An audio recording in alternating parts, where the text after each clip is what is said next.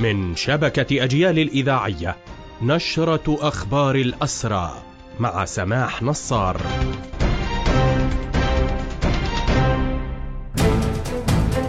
أهلا ومرحبا بكم إلى هذا اللقاء. سلطات الاحتلال تواصل حملة الاعتقالات الواسعة التي تشنها يوميا في محافظات الضفة وتصاعدت منذ السابع من أكتوبر الجاري.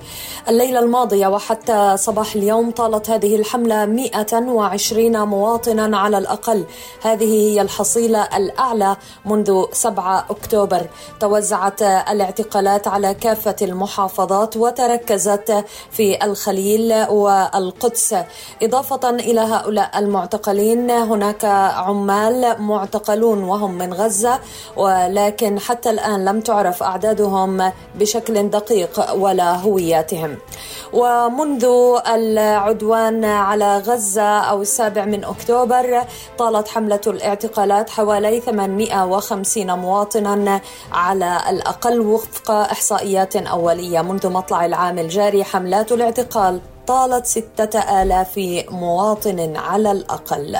ونشير أيضا في هذه النشرة إلى أن سلطات الاحتلال كثفت خلال الأيام القليلة الماضية حملات الاعتقال الإداري وأصدرت بحق عدد كبير من المواطنين الذين شملتهم حملات الاعتقال قرارات إدارية بالاعتقال لمدة ما يتراوح بين ثلاثة وستة أشهر.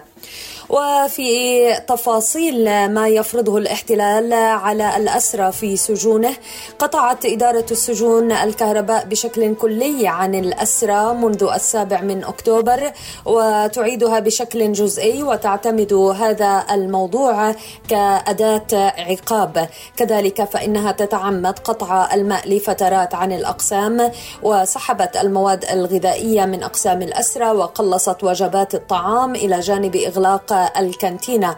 نفذت حملات اقتحام لعدد من الأقسام حرمت الأسرى المرضى من نقلهم للعيادات وأقدمت على عزل أسرى في الزنازين الانفرادية. وكذلك سحبت محطات التلفاز المتاحة حرمت الأسرى من الخروج إلى الحمامات المخصصة للاستحمام. وزادت من أجهزة التشويش وأوقفت زيارات العائلات وأبلغت المحامين بإلغاء الزيارات. كذلك ألغت سلطات الاحتلال موضوع المغسلة فالأسرى منذ أيام لم يغسلوا ملابسهم والمغسلة هي إحدى أهم المرافق.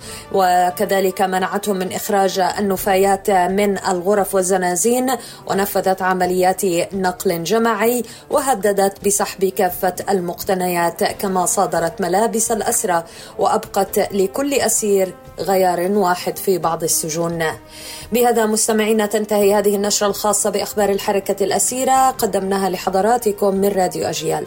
تحية الحرية لأسرى الحرية وتحياتي سماح نصار المجد والخلود لشهدائنا الأبرار.